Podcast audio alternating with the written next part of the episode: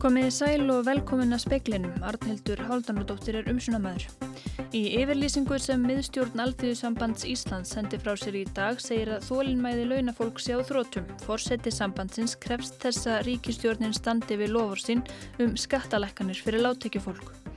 Danir eru gramir og hlessa yfir því að bandaríkjafórseti hætti við ofinbera heimsóksina þanga til lands en búast ekki við því að það spilli samskiptum til langframa. Hópur vísindamanna hefur komist að þeirri niðurstöða plássi fyrir 11 miljónir vindmila í Evrópu. Útrekningar þeirra sína að þær getur framleitt meiri orku en áætlað er að framleitt verði á heimsvísu 2050.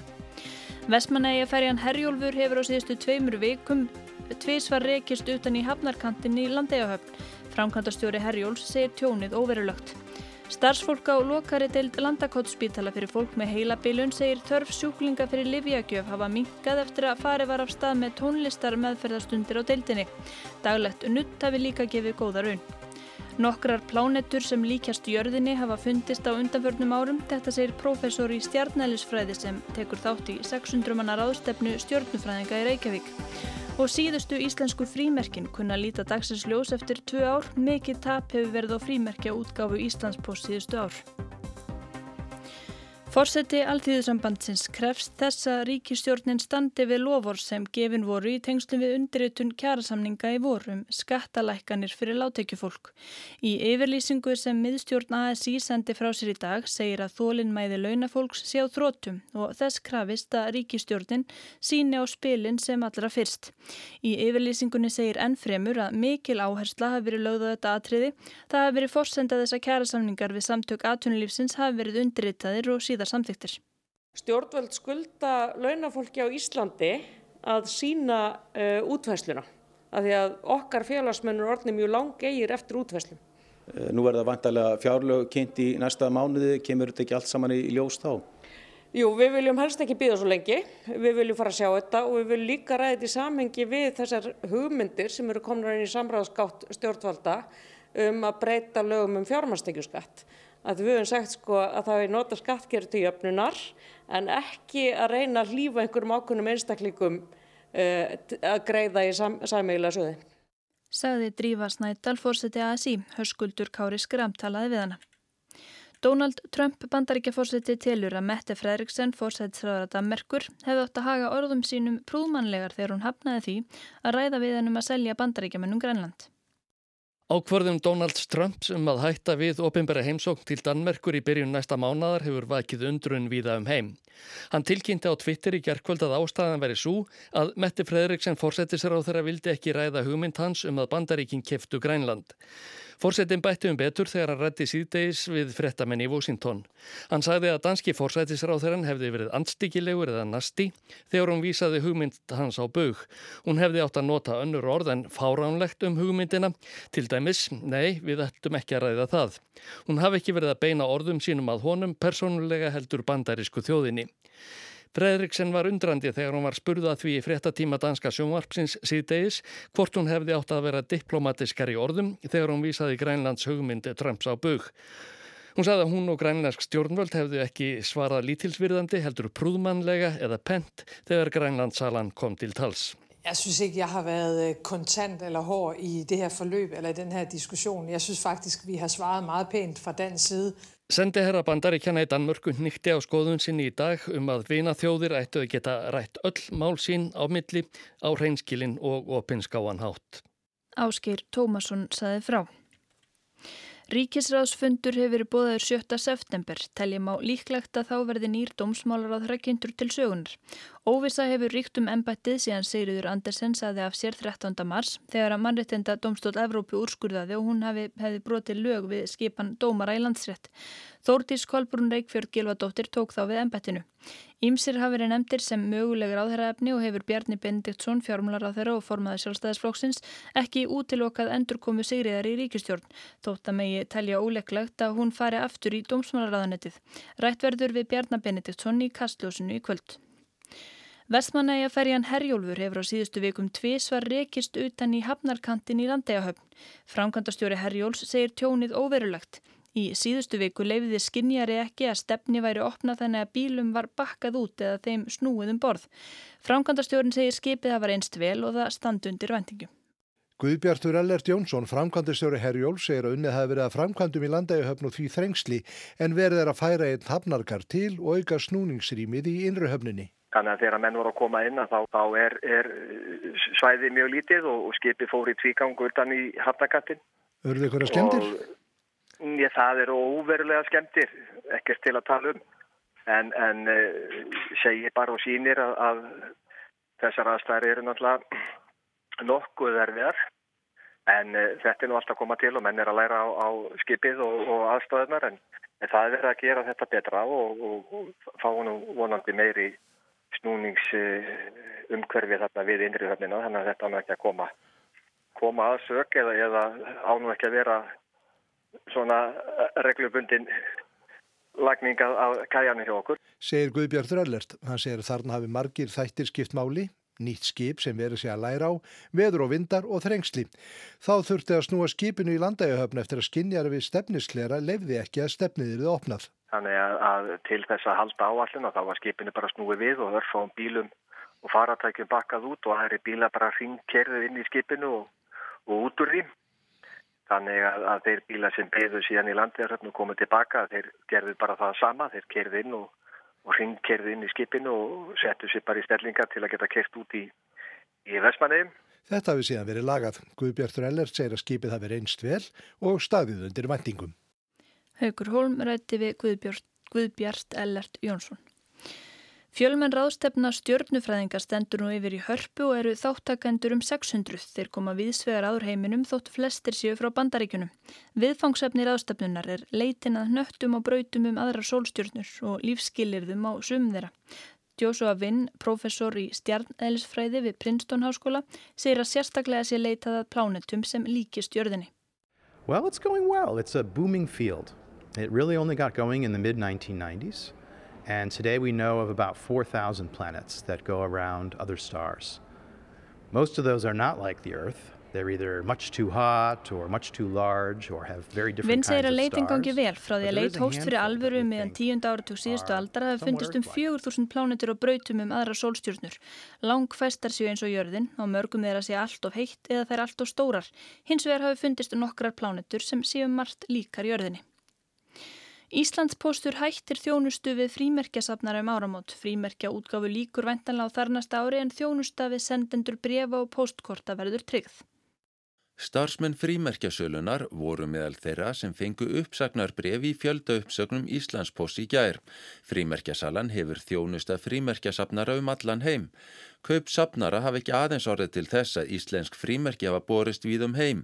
Þau kaup hafa verið undirstæðan í sölu nýra frímerkja síðustu ár, segir Birgir Jónsson, forstjóri Íslandspost. Þetta snýst aðalega um þessa ný útgáfa frímerkjum sem er fyrst og fremst hefur verið að skapa tekjur með sölu til safnara út um allan heim. Þær tekjur hafa dreyist mjög saman síðustu ár. Tapið hefur verið 30 til 40 miljónir króna árlega undanförnu, segir Birgir. Útgáfa nýra frímerkja er undirbúin langt fram í tíman. Henni verður haldið áfram á næsta ári og eitthvað fram á þar næsta ár. En síðan, já, mun, mun þessi starfsemi stoppast en, en hins vegar eigum við auðvitað lager af frímerkjum sem að mun endast okkur í mörg ára og jáfnvel þangar til að síðasta brefið verður sendt. Segir Birgir Jónsson. Engaréttur Íslandspost á brefum fellur niður um áramót. Fyrirtækið vinnur að þjónustu samningi við ríkið. Stjórnendur postins segjast reyðubúnir að gefa út frímerki áfram ef stjórnvöld telja það menningarlega mikilvægt. Þá verði hins vera semji um hvernig sá kostnað sé greittur. Brynjólfur Þór Guðmundsson tók saman.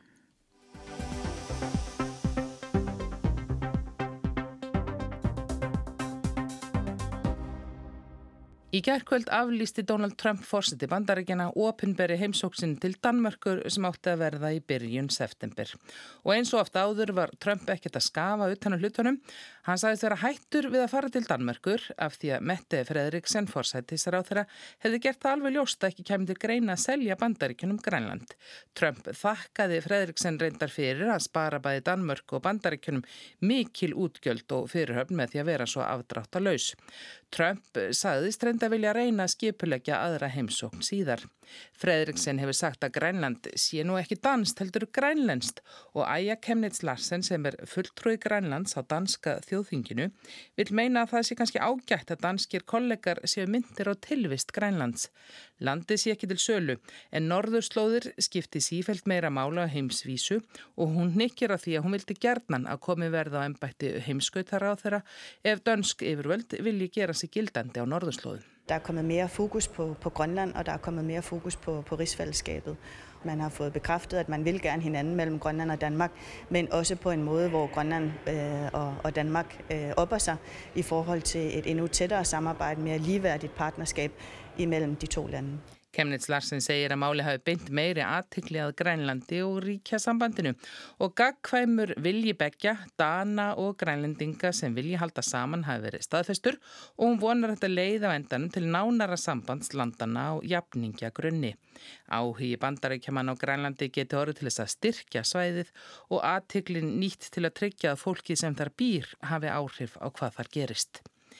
En viðbröð danskra stjórnmálmanna við áðbóðun heimsóknarnar hafa flest verið á sömu lund. Þeir vanda Trump ekki hvaðunar tala um farsa og algjera kaos. Það að aflýsa sér hrein og klár móðgun og hafi mikil áhrif á samband Dana og bandarækjumanna. Margir höfðu þegar líst mikilinn heggslan á hugmyndum um landakaupin. Lars Lökke Rasmussen, fyrirverandi forsættisra á þeirra Dalmörku, skrifaði morgun að það sé svo sem engin skömmi því að mæta ekki ef manni sé ekki bóðið, en hvað um það hafa maður bóðið sér sjálfur?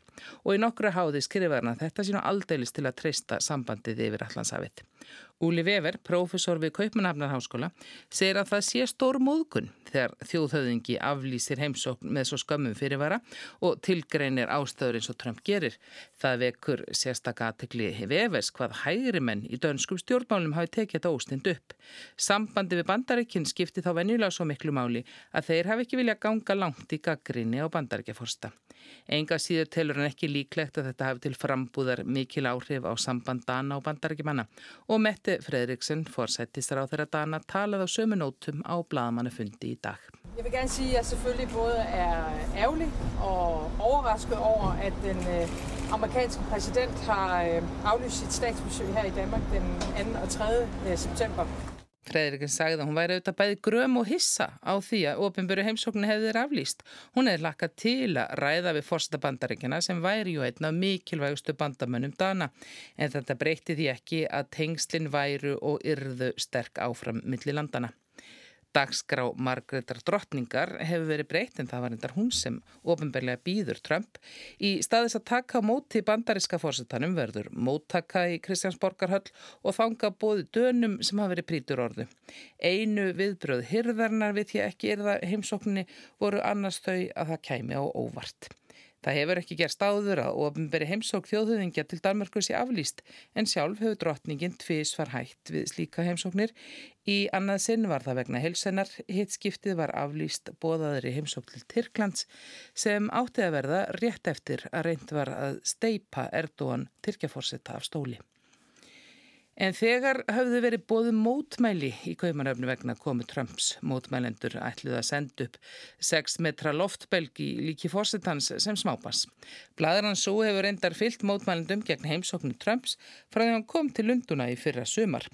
Bladur hann eða belgurinn fór fyrir brjóstið á Nikolai Oster sem fannst hún og mótmælinn kjánaleg og í mótvægiskinni keifti hann auglisingar og ljósaskildi á ráðustorkinu í kaumanöfn.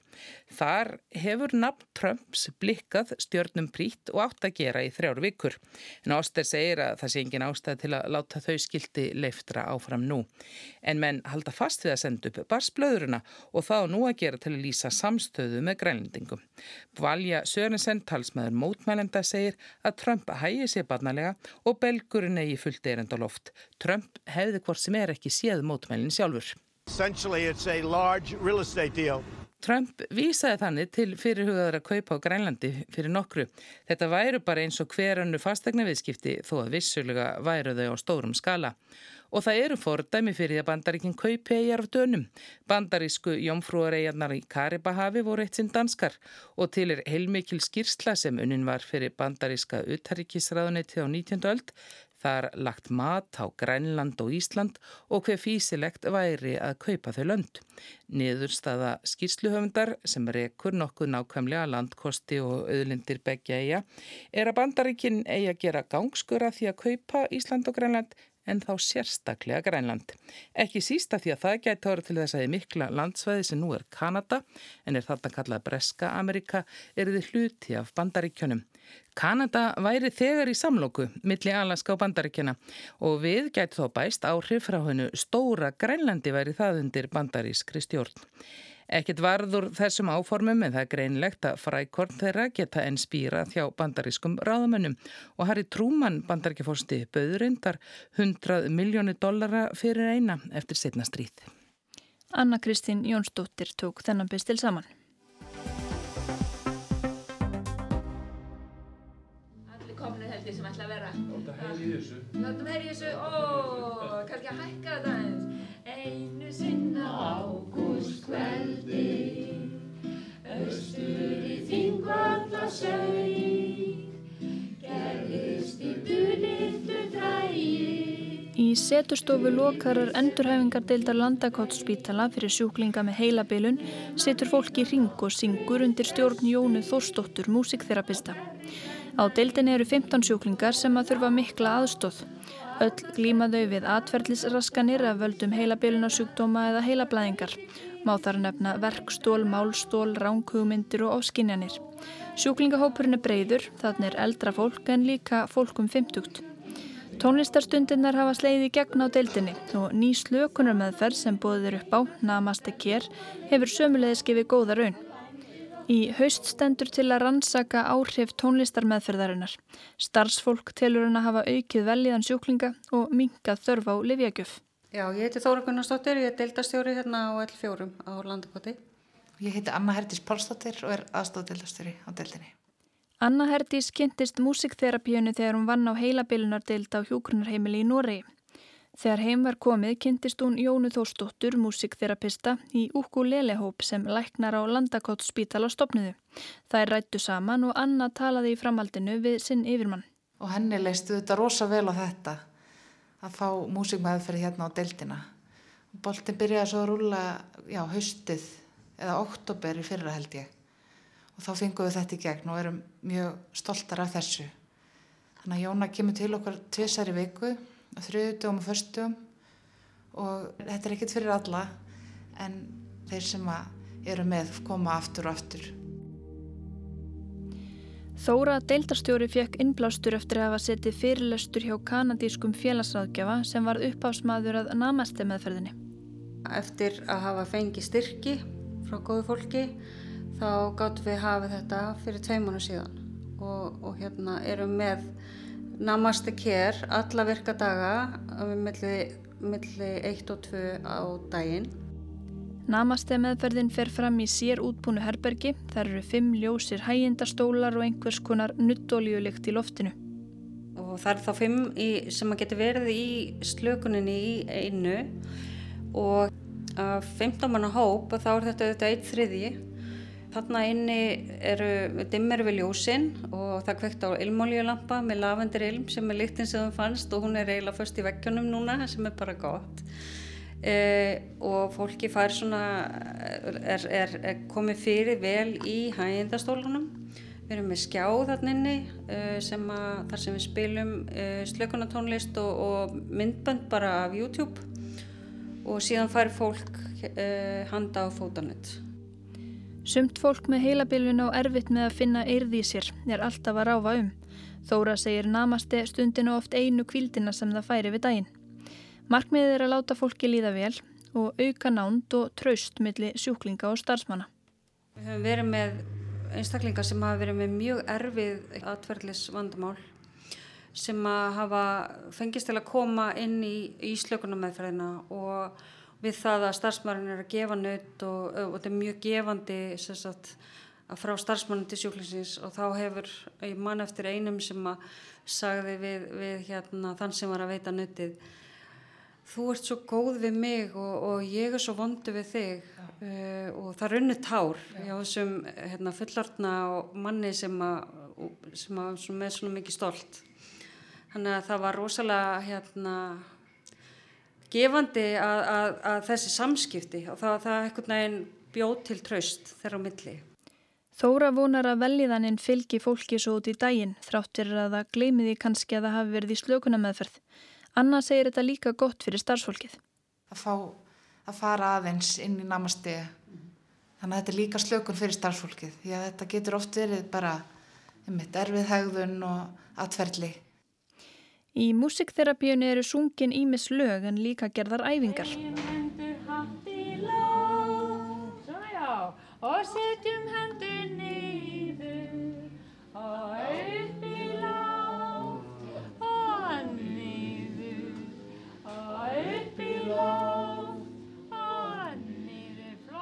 Stöðið eikst eftir því sem á líður og þáttakendur fá þá að grípa í trommur og hristur.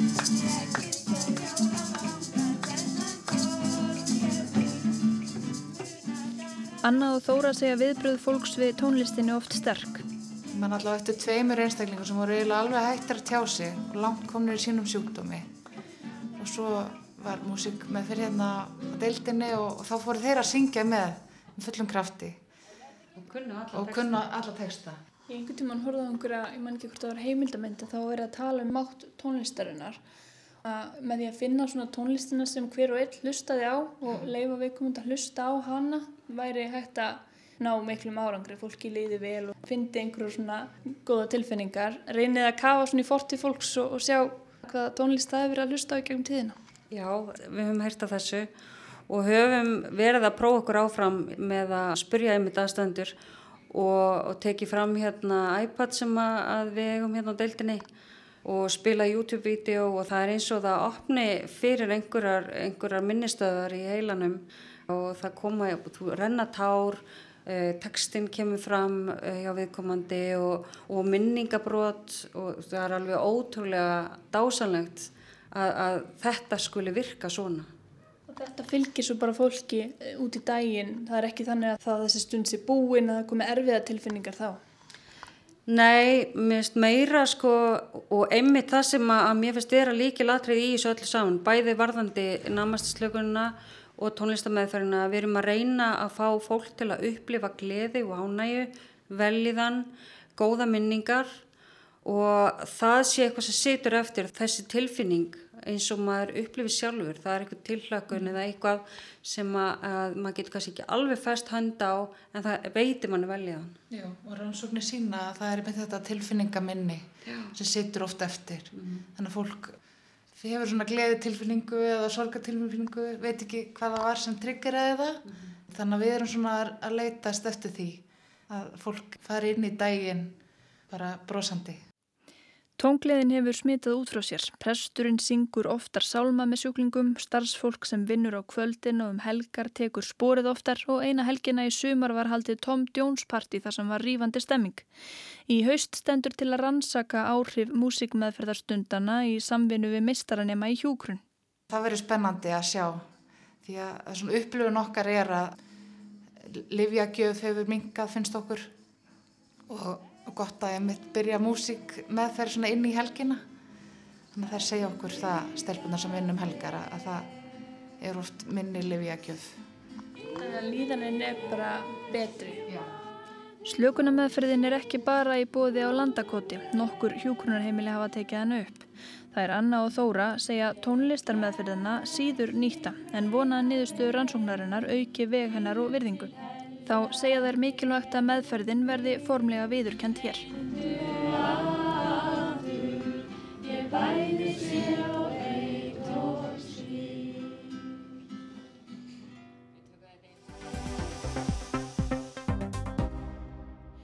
Hópur vísindamanna hefur komist að þeirri niðurstöðu að plássi fyrir 11 miljónir vindmila í Evrópu.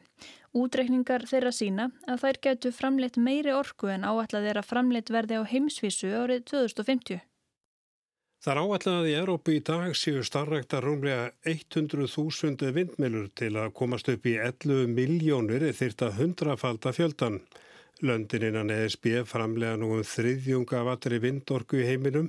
Evrópusambandið stefnir að því að reistar verða minnstakosti 100.000 vindmilur fram til ásins 2050. Vindorka er nú annar stæsti orkugjafin í Evrópu. Gas er sá stæsti. Tal er að vindorka verði komin í fyrsta sætið 2027. Í Evrópu er framleitt mesta vindorku í Þískalandi um 59.000 megavött. Kína framleiðir mest í heimunum eða 221.000 megavött eða 221 gigavatt. Bandaríkinum rúm 96 gigavött. Hlutfall vindorkunar af heildarnotkun er hæst í Danmörku í fyrra namn það 41%. Hægt er að fylgjast með dag frá degi hver mikið framleita vindorku í hverju land í Európu á vef sem fylgjast með því. Það eru stjartfræðilega tölu sem koma fram í rannsóknu vísindamannana frá sex löndum þar sem vísindamenn frá Danmörku voru í fararbrotti. Peter Enevoldsen sem starfar við háskólan í Árásum segir að takmarkið sé ekki að Evrópa sjáu öllum heiminum fyrir orku. Heldur að varpa ljósi á að í Evrópu sé ploss fyrir mun fleiri vindmilur. Nótu voru öll aðgengileg gögnum vind og vindarstaður í Evrópu til að gera sig grein fyrir hvar væri vanlegt að virkja.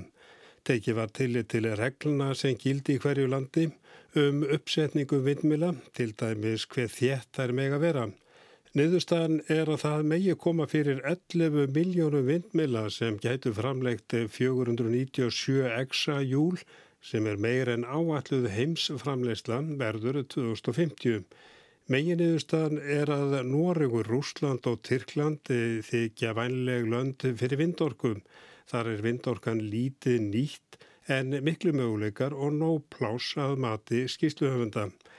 Og það verið að tala um vindmjölu sem staðsettar væri á landi en ekki í sjó. Speillin hefur ekki náða að lesa sjálfa skýsluna en í fréttum af henni er hvergi minnst á Ísland. En þegar að litið er á kort úr skýslunni kemur ekki óvart að Ísland er raukt eins og Rúsland og Nóriður þar sem aðstæður fyrir vindorkum eru taldar mjög góðar. Það er að sjálfsögðu ekki verið að stefna því að 11 miljónum vindmeila verði komið upp. 70% losunar gróðrúsaloftegund í Evrópu má reykja til orkuframleyslunar, þess vegna er eðlert að líti sér til vindorkunar. Hins vegar á vindorkan erfitt uppdráttar vegna þess að það er ekki allir sáttur við að búa í nálag við vindmilu garda. Ungverið samtök við í Evrópu er ekki sátt við vindmilu uppbygginguna vegna þess að hún veldur raski á náttúrunni og bæði hljóð og sjónmengun. Það er ljóst að aukin áhersla verður þó lögð á að virkja vindorku í framtíðinni. Vindmilunar er að stækka og þykir mörgum nógum. GN Renewable Energy, dótturfyrirtæki General Electric, er að reysa stæstu vindmilu heimi í sjónum fyrir utan Rotterdam í Hollandi. Hún gengur undir nafninu Halite X, verður 260 metrar á hæð eða 3,5 halgrímsýrkja. Hver spaði verður 107 metrar á lengd og spaðahafið 220 metrar. Aflemilunar verður 12 megavött sem nægi til að sjá um 16.000 heimilum fyrir orku. Og þessum að geta að danska fyrirtæki Vestas hefur framleitt stæstu miluna fram að þessu. Framleiðslu geta hennar er 9,5 megavatt. Arnar Páll Haugsson saði frá. Við sögum frá því þessu fréttíma Herjólfur hefði á síðustu vikum tvís var reykist utan í hafnarkantin í landiðahöfn. Frangatastjóri Herjól segir tjónið óverulegt og nú voru að byrjast fréttir af því að ferjan veri bíluð og vantarlega byrtast fréttir, eh, byrtist svo frétt á vefnum okkar á næstunni. Og fleira í yfirlýsingu sem miðstjórn Alþjóðsambands Íslands sendi frá sér í dag segir að þólinnmæði launafólks á þrótum fórseti sambandsins krefst þess að ríkistjórnin standi við lofur sínum skattalækkanir fyrir láttökjufólk.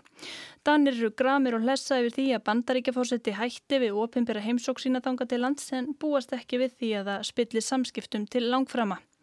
Og síðustu íslensku frímerkin kunna líta dagsins ljós eftir tvö ár. Mikið tap hefur verið á frímerkja útgáfu Íslandspost síðustu ár. Veðurhorfur austanátt viða 8-13 metrar á sekundu en 15-20 og snarpar kviður síðsta landinu og einni við Örafijökul. Rigning með köplum sunnan og austanlands en yfirleitt þurft annar staðar.